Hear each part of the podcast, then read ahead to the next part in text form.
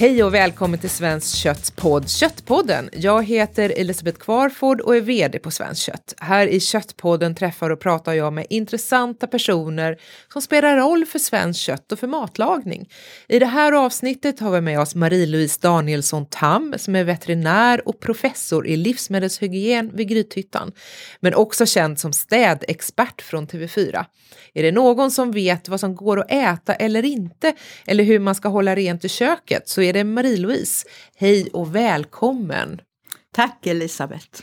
Eh, jag tänkte att vi skulle börja med några korta men personliga frågor. Du bor i Grythyttan och jobbar där? Ja, sedan några år tillbaka så bor vi i Grythyttan, jag och min man som också är veterinär. Mm. Tidigare har vi bott väldigt många år i Uppsala där vi jobbade som lärare, forskare på veterinärmedicinska fakulteten på SLU. Och det här gör ju att ungefär 3000 av de yrkesverksamma veterinärer som vi har i Sverige idag har läst livsmedelshygien en termin för mig och min man Wilhelm. Åh, ni är en maktfaktor inom svensk livsmedelshygien. Kanske det, i ja. varje fall två välkända figurer. Ja. Hur skulle du vilja beskriva dig själv? En djurälskande individ som sägs att jag sa ordet katt innan jag hade lärt mig att säga mamma och pappa. Mm. Har hela livet egentligen varit intresserad av sjukvård och djur givetvis och valde då mellan veterinär och läkare och tyckte då att veterinär, ja det är nog roligare i alla fall. Mm. Och en av de specialiseringar, vi har fem stycken specialistutbildningar inom veterinärmedicinen, är just livsmedelshygien. Så att Många undrar, ja men vad gjorde du som veterinär då? Gjorde? Jag är fortfarande veterinär. Så att mm. man är veterinär även fast man jobbar med livsmedelshygien. Just det. Hur ser en vanlig dag ut för dig? Oj, det finns inga vanliga dagar. Men jag kan ju beskriva vad jag närmast har gjort då. Innan jag kom till dig idag så har jag suttit och rättat tentamen i livsmedelshygien som kulinariska kockar. Kulinariskt hantverk 1 heter kursen i Grythyttan, har presterat. Och du kommer givetvis att fråga, hur gick det för dem? Ja men precis. Ja, det kunde varit bättre. Det kunde varit mycket bättre. Igår var jag i Uppsala på Etikprövningsnämndens sammanträden för alla forskningsansökningar som berör människan måste etikprövas så att inte människorna utsätts för något otillbörligt eller att det avslöjas då saker som de inte minst ska sprida sig. I förrgår var jag i Tylösand och föreläste på årsmötet, kom stora konferensen för djur, djursjukhusanställda och där pratade jag bland annat antibiotikaresistens, smittspårning och hygien på olika djurkliniker.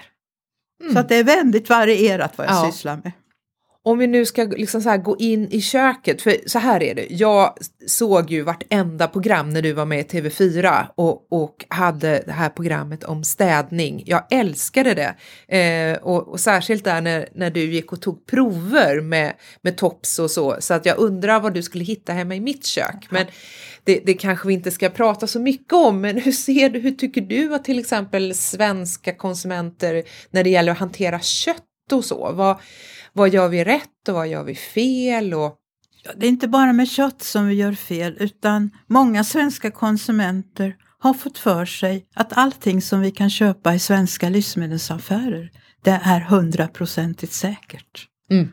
Och det finns ju ingenting som är hundraprocentigt säkert. Det är inte ens hundraprocentigt säkert att korsa gatan även om man går mot grön gubbe. Och det är väl det som jag försöker bland annat då att få konsumenter och även studenterna på restaurang och hotellhögskolan i Grythyttan att inse att om man hanterar ett livsmedel fel så kan det bli farligt. Så farligt att man till och med kan dö av det. Och eftersom kött då kommer från levande varelser så självfallet tillhör ju kött ett av risklivsmedlen som vi måste lära oss ha respekt för och hantera på rätt sätt. Dels för att det inte ska ruttna i förtid, dels för att vi inte ska bli sjuka av det. Mm. Och hur ska man hantera kött då? Det är det, den här kylkedjan som, som det handlar om. Hur viktig är den? Givetvis är kylkedjan jätteviktig. Den obrutna kylkedjan som man pratade om i branschen mm. gäller även hemma. Det går inte att gå och handla ett paket köttfärs på lunchen, sen lägga in det i den varma bilen och gå och jobba fyra fem timmar och tro att köttfärsen ska vara fräsch när man kommer hem igen. Den kanske inte är farlig, men att det blir ju ingen njutning av att äta den här tillagade köttfärsen som smakar surt och ruttet. Mm. För det har redan hunnit hända väldigt mycket under den här tiden. Det hinner hända väldigt mycket för en bakterie delar sig var tjugonde minut. Och om du ligger sömnlös i natt så kan du ju räkna ut hur lång tid det tar innan det, en enda bakterie blir en miljon bakterier. Bra tips! Fast kan, man kanske lätt blir ännu mer sömnlös då om man tänker på någonting som, som man kanske har lämnat framme. Mm. Och sen är ju hygienen jätteviktig. Jag, menar, jag brukar, när jag får frågan vad är den största smittkällan i ett kök? Då svarar jag alltid, det är människan själv. För att vi sprider ju dels de bakterier som vi har på våra händer. Dels de bakterier som vi får på våra händer när vi hanterar livsmedel. De sprider vi ju sen vidare till vattenkranar, till disktrasor, till skärbräden, till livsmedel vi hanterar. Och där kommer vi också in på det råa köttet. För eftersom det är rått kött så finns det alltid bakterier. Det finns snälla bakterier, det finns förstörelsebakterier och det finns elaka sjukdomsframkallande bakterier på allt rått kött. Och det är därför det är viktigt att hetta upp också ordentligt när man, när man steker kött till exempel. Ja, där kom du in på en väldigt intressant detalj för att så länge som vi har en hel köttbit, tänk en hel oxfilé, där sitter bakterierna på ytan av oxfilén under förutsättning att det kommer från ett friskt djur. Och det gör det ju om vi köper ett svenskt djur, mm. för alla våra djur som slaktas i Sverige är friska.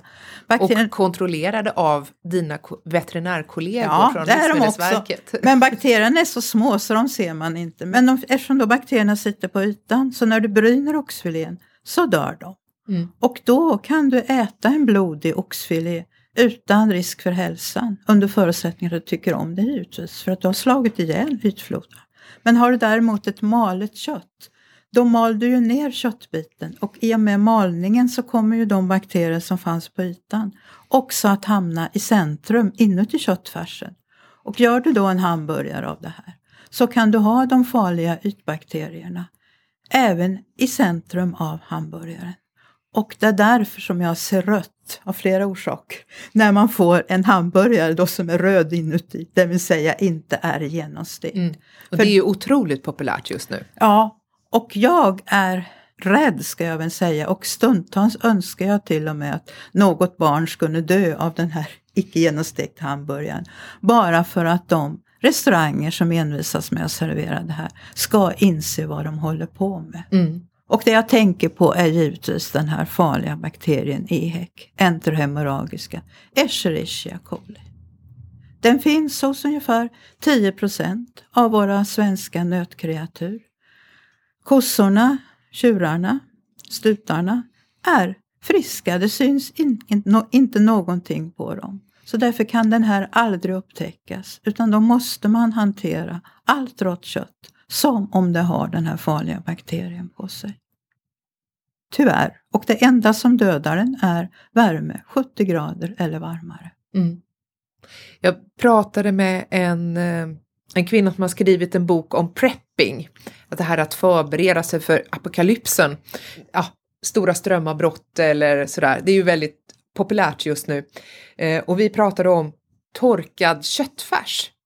Och då undrar jag, vad tycker du om idén med att torka köttfärs för att ha det som någon slags beredskap?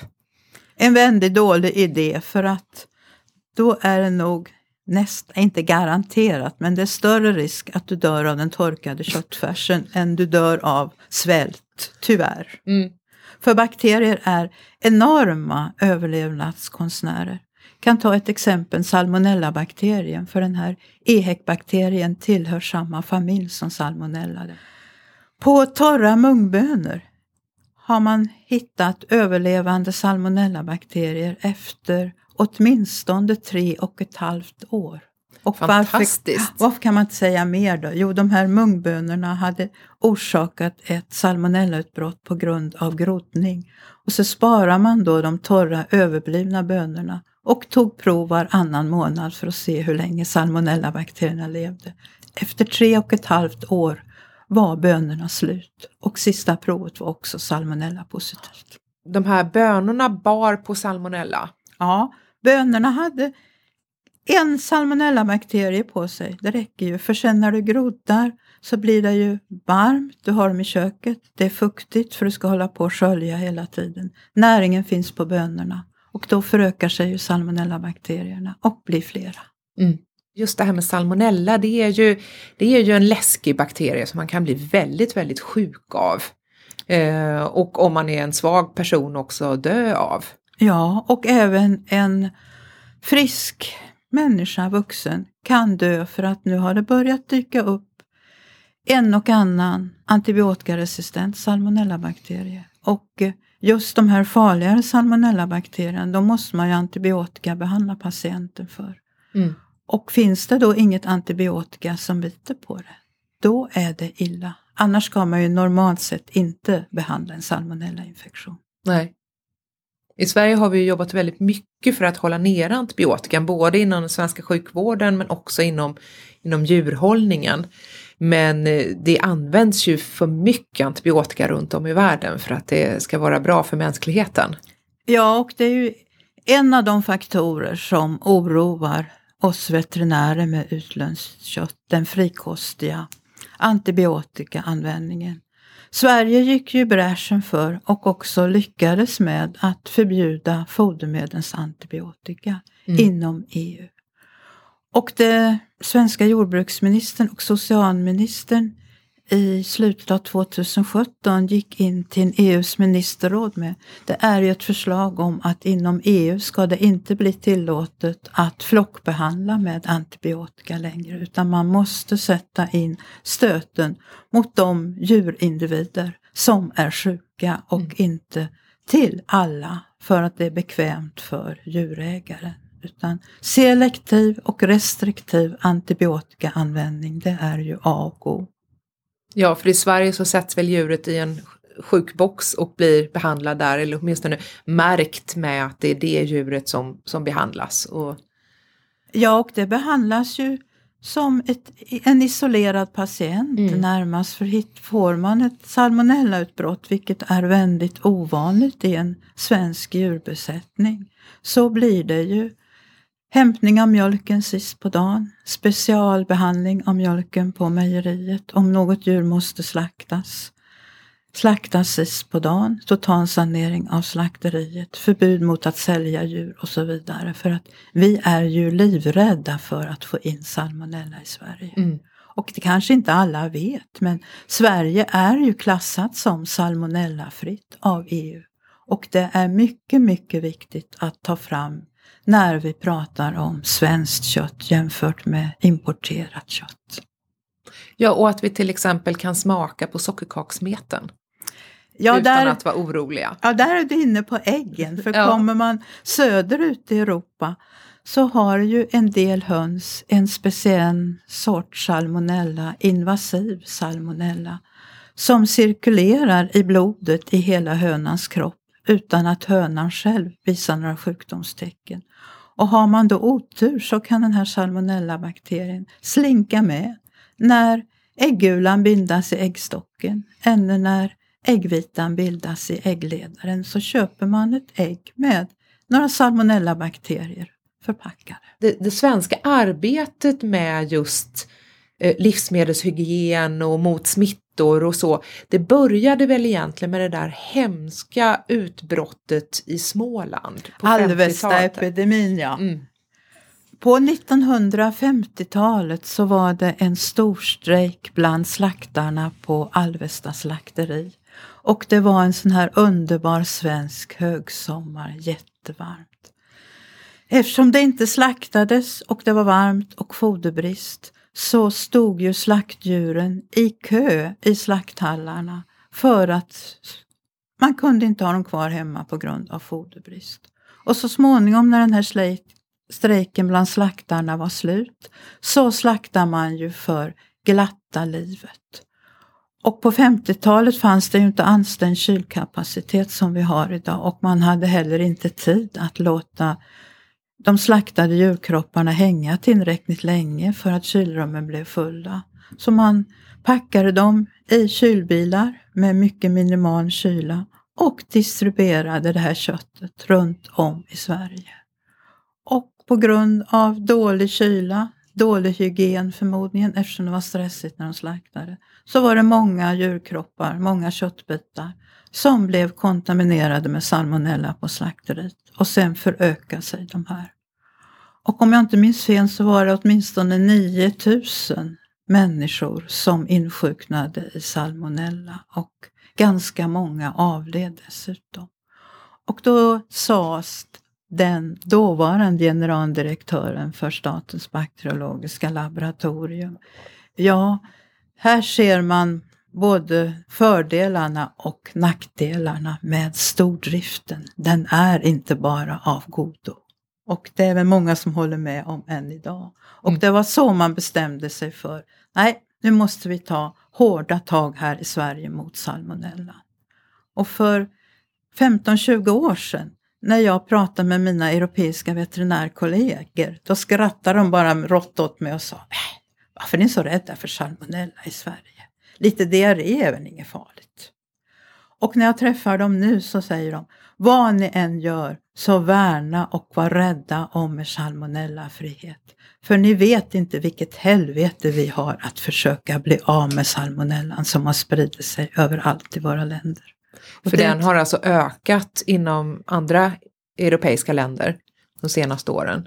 Om den har ökat vet jag inte, men man har ju blivit medveten om alla risker och man ser ju också på hur friska svenska slaktdjur är och man vill ju också gärna av handelns skäl också själva kunna få bättre kvalitet på sitt kött och med bättre kvalitet menar jag då fritt från salmonella. Mm. Och Danmark är ju det första landet som har börjat använda våra salmonella bekämpningsmetoder för de hade ju jätteproblem på sina grisar för några år sedan. Mm. Vilka metoder är det?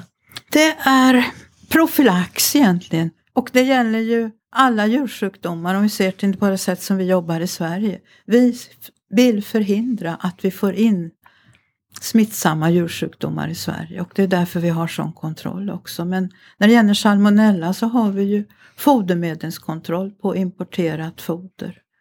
Vi har kontroll i våra djurbesättningar. Man ansluter sig till olika salmonellabekämpningsprogram som går ut på då att man lämnar prov med jämna mellanrum och kontrollerar. Vi tar stickprov på slakterierna och det måste vi göra för att få ha kvar EU salmonellagarantierna som vi har inom EU. Så fort man hittar en salmonella infekterad människa så smittspårar man. Vad har människan ätit för någonting?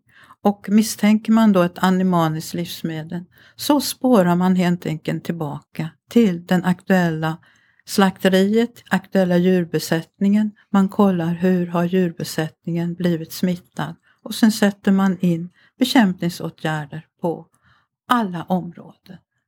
Otroligt arbete! Det är otroligt arbete och det kostar otroligt mycket. Men det lönar sig ändå. Mm. När man jobbar så mycket med, som du med olika smittor och ser allt vad som kan finnas, och, alltså blir du orolig ibland när du serveras någonting och tänker så här, kan jag äta det här? Jag skulle aldrig äta en köttfärsrätt som inte är genomstekt. Nej, du vet för mycket. Jag vet för mycket, eller rättare sagt, jag vet det man bör veta. Jag har respekt för vissa bakterier. Vi kan ju dra en annan parallell. Jag älskar ostron. Och ostron kan man ju bli sjuk av för de kan ju härbärgera vinterkräksjukevirus utan man märker det. Men vinterkräksjukevirus, okej okay, man kan bli diarré, kräkningar, lite feber, två dygn men det är inte en dödlig sjukdom. Medan då EHEC kan vara en dödlig sjukdom. Så det skulle jag aldrig få för mig att äta rå köttfärs exempelvis. Nej. Man kan ju få kroniska skador också. Även om man inte skulle dö så kan det ju vara vissa organ som slås ut. eh, som gör att man, man blir lidande resten av livet. Ja, vi har en flicka som drabbades av EHEC. Hon fick eh, hjärnskador när hon var femåring från att åt en kallrökt med EHEC i. Och hon, om hon lever fortfarande så är hon ett vårdkolli. Mm. Vi vet att många får skador på njurarna som hittills har varit temporära för man har behandlat med hemolys. Men nu börjar man se de här fallen då som blir lite äldre och då fungerar inte njurarna så bra som de borde göra i den åldern. Så att det är en mycket hemsk sjukdom. Mm. Finns det andra så här varningsklockor som, som går för dig om du är på restaurang? Är det, vad, vad tittar du efter? Ja, det första gången jag besöker en restaurang så brukar jag alltid snegla på gästtoaletten. För är gästtoaletten sunkig, det kanske ligger en massa pappershanddukar på golvet. Det saknas kanske till och med torkpapper för händerna. Ingen tvål i automaten. Då kan man ju bara gissa hur det kanske ser ut i köket. Mm. Och då blir det nog en annan restaurang för mig. Ja, okej, okay, så du börjar med att gå in och titta Ja. på toaletten och sen så, ja, ja men det, det är ett bra tips. Alltså när folk bjuder hem dig och din man på middag, är det så att de själva kan känna sig lite stressade över att du på något sätt som så här både städexpert och livsmedelsexpert liksom ska på något sätt anmärka? Jag vet ju att vissa kockar och, och eh, så här, kända matlagare ganska sällan blir hembjudna till andra för att, vilket de kan tycka är lite tråkigt för att folk får som prestationsångest, men kan folk få samma prestationsångest gentemot dig när det gäller städning? De visar det ju i så fall inte och jag hoppas det inte. Men visst, många gånger säger jag, jag har inte hunnit städa där och där. Ja men säger jag, du tror väl ändå inte att jag ska städa åt dig? Jag är ju här för att ha trevligt och äta middag hos dig. Ja. Det, det finns ju en annan professor som försöker att, att få oss att ta det lite lugnare med städning och det är ju professor Agnes Wold. Nu är hon visserligen inte professor inom, inom ditt eh, gebit men, men har ju ändå en hel del åsikter om just det här med städning. Eh, vad tycker du om hennes eh, idé om att det är härligt med dammtussar? Hon har väldigt många åsikter, bland annat om det här att gravida kvinnor i stort sett ska äta vad som helst. Och där kan jag direkt säga, jag delar inte hennes åsikter. För du har forskat lite mer på området. Jag vill inte säga att jag har forskat mer, men att jag ser ju baksidorna och jag skulle väl önska lite att hon kollade nackdelarna också Mm. innan hon säger någonting som är publikfriande. Vi har ju pratat en del om när det gäller att hantera färskt kött, men vad ska man göra? Man kommer hem med den här biten, man tvättar händerna och sen så kanske man packar upp köttbiten, lägger den på en ren skärbräda som helst ska vara av plast, eller hur? Jag föredrar plast för att den går att köra i diskmaskinen och även om det då har blivit skåror, det blir antiskåror i en skärbräda när man skär på den, så blir även skårorna tillräckligt varma i en diskmaskin så att eventuella bakterier som har tänkt sig att slå sig ner där slås ihjäl. För även om det är härligt med en skärbräda av trä så kan det gömma sig saker där som kan vara svåra att få bort. Ja, det är nästan omöjligt för de här skårorna, eller sprickorna i en träskärbräda, de drar ju gärna ihop sig. Och där stängs då det här in och sen när man då blöter den så öppnar de sig igen och ja, nu är det här radio, annars skulle jag ha visat mina underbara odlingar från träskärbräda. Ja, det, det hade ju varit härligt att se. Vad har de för färg?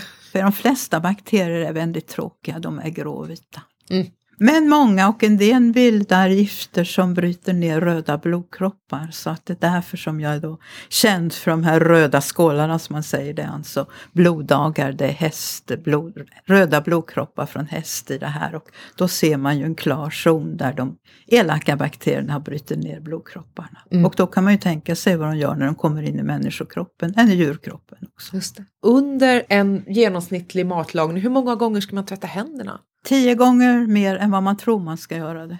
Men så fort man ska gå och göra någonting annat, du står här och håller på, skär upp din köttbit och så kommer du på att du ska hämta någonting i ett skåp.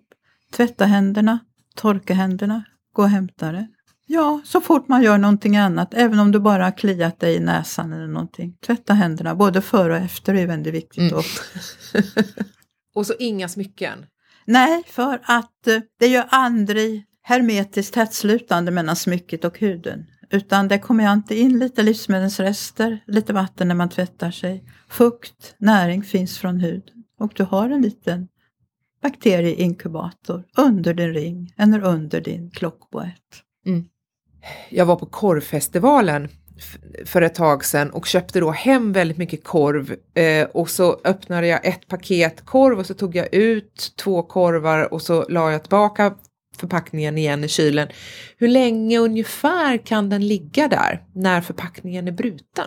Det beror ju på vad det är för korvar. Är det isterband så kan du ha dem länge men vad jag skulle rekommendera nästa gång det är att istället för att lägga in de överblivna korvarna i kylen förpacka dem lufttätt i en plastpåse, lägg dem i frysen. Så har du färska fräscha korvar när korvlängtan faller på med ett par veckor igen. Mm. Jag har, bara, jag har vräkt i mig grynkorv sen, sen korvfestivalen för där fick jag nämligen tag på riktig grynkorv som faktiskt dessutom var grå. Jag tror inte att det var nitrit i den, för det är ju det som gör då att det kan bli en lite rosa färg. Men då hade de varit smarta så att de var kokta. Ah, ja, då höll de bättre, ja. Mm. Jag var... såg att du rynkade lite på pannan där. Men, men, eh, för då, så att jag tror att det de hade gjort var att eh, möjligtvis att de hade soviddat dem i, i förpackningen.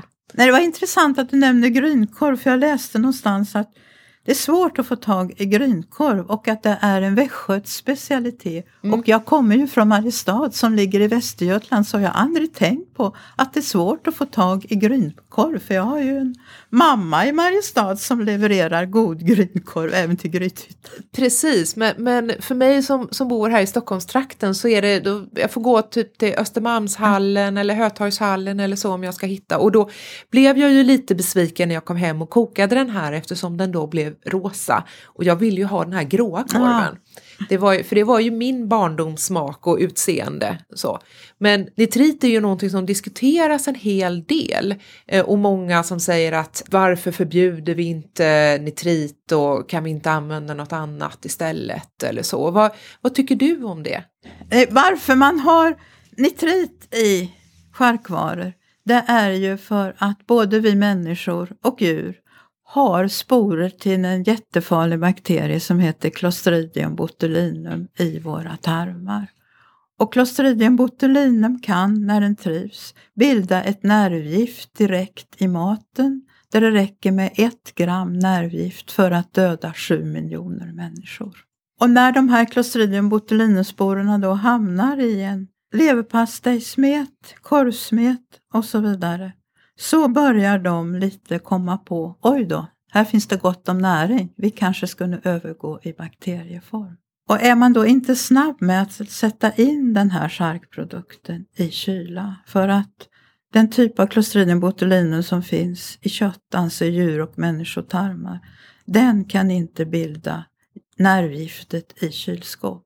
Men om vi då har det i rumstemperatur, tänk att du har en, några grillkorvar du ska ge dig ut och grilla korv på sommaren. Går en varm sommardag, en halv dag med grillkorvarna i ryggsäcken. Då har den plötsligt kommit upp i den här farliga temperaturen. När de här Clostridium botulinobakterierna kan binda sitt nervgift i korven och sen äter upp den. Och då kan du i värsta fall drabbas av andningsförlamning. Och råkar du då inte dessutom ha en respirator i din ryggsäck så kan det gå riktigt illa.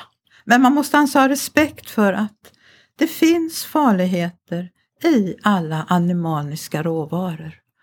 Och man måste då behandla de här animaliska råvarorna på olika sätt för att skydda sig. Och där kommer vi då till poängen med nitrit, för det förhindrar de här Clostridium botulinum bakterierna att växa och att bilda det här nervgiftet.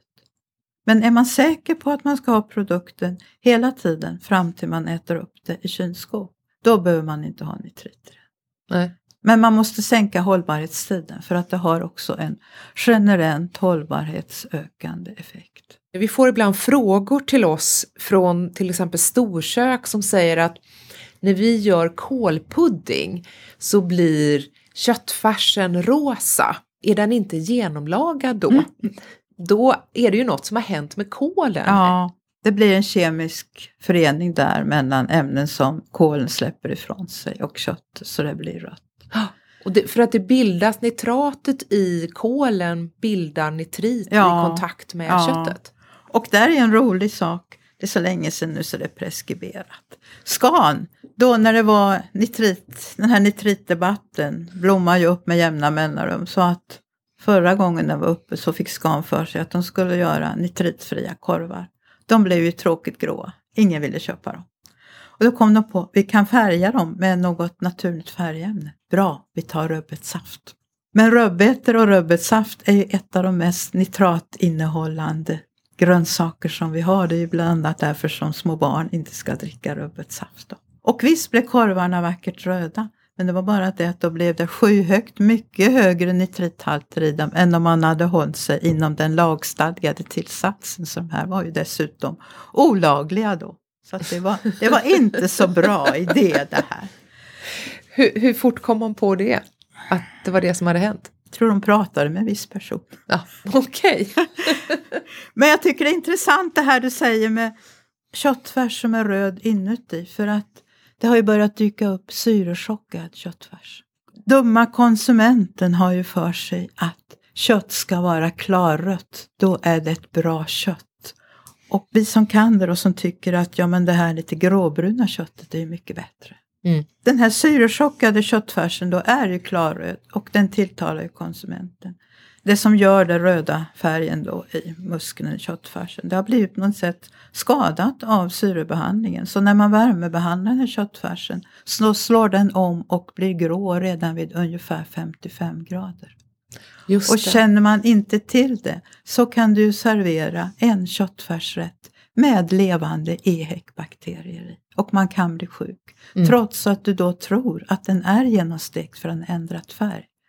Så därför ska och, man och det är nästan den vanligaste köttfärsförpackningen också. Den här med en plastfilm som är fastlimmad vid, vid kartongen och så är det en modifierad atmosfär som, som är syrerik ja. som eh, man, man har tillsatt där.